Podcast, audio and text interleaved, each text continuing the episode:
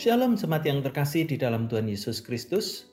Penuntun saat teduh Sinode Gereja Kristen Jakarta hari ini Selasa 5 September 2023. Proyek bersama.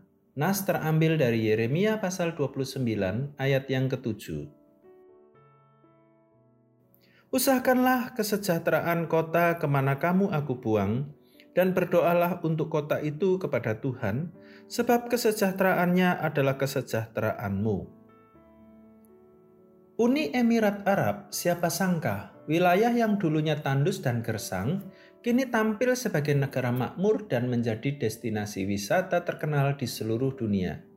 Dubai dan Abu Dhabi seakan menjadi magnet bagi setiap orang yang mendengarnya.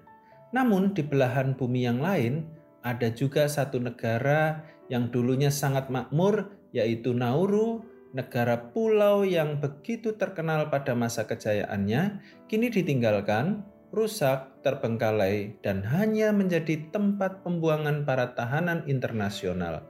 Apa yang membedakan kedua negara tersebut adalah cara pandang dan perlakuan mereka terhadap tanah di mana mereka berada.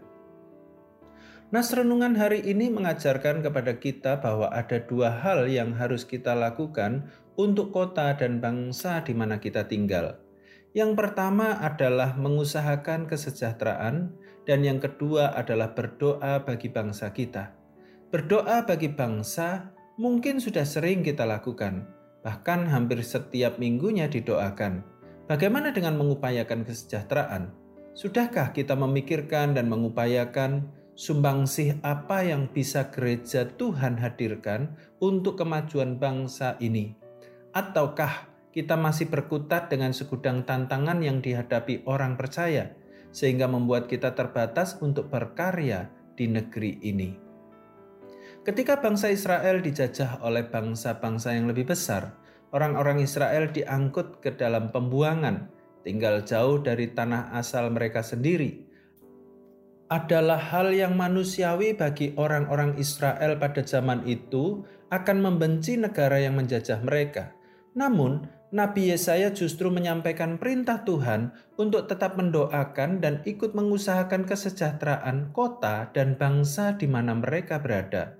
Tantangan bisa terjadi di mana saja. Kadang kita juga bisa punya alasan yang cukup untuk berkata tidak. Namun, Mari kita mengambil waktu untuk berdoa dan berupaya supaya negeri ini sejahtera. Marilah kita saling tolong-menolong dalam melakukan pekerjaan baik, dimulai dari lingkungan keluarga dan gereja, lalu meluas ke kota dan bangsa kita.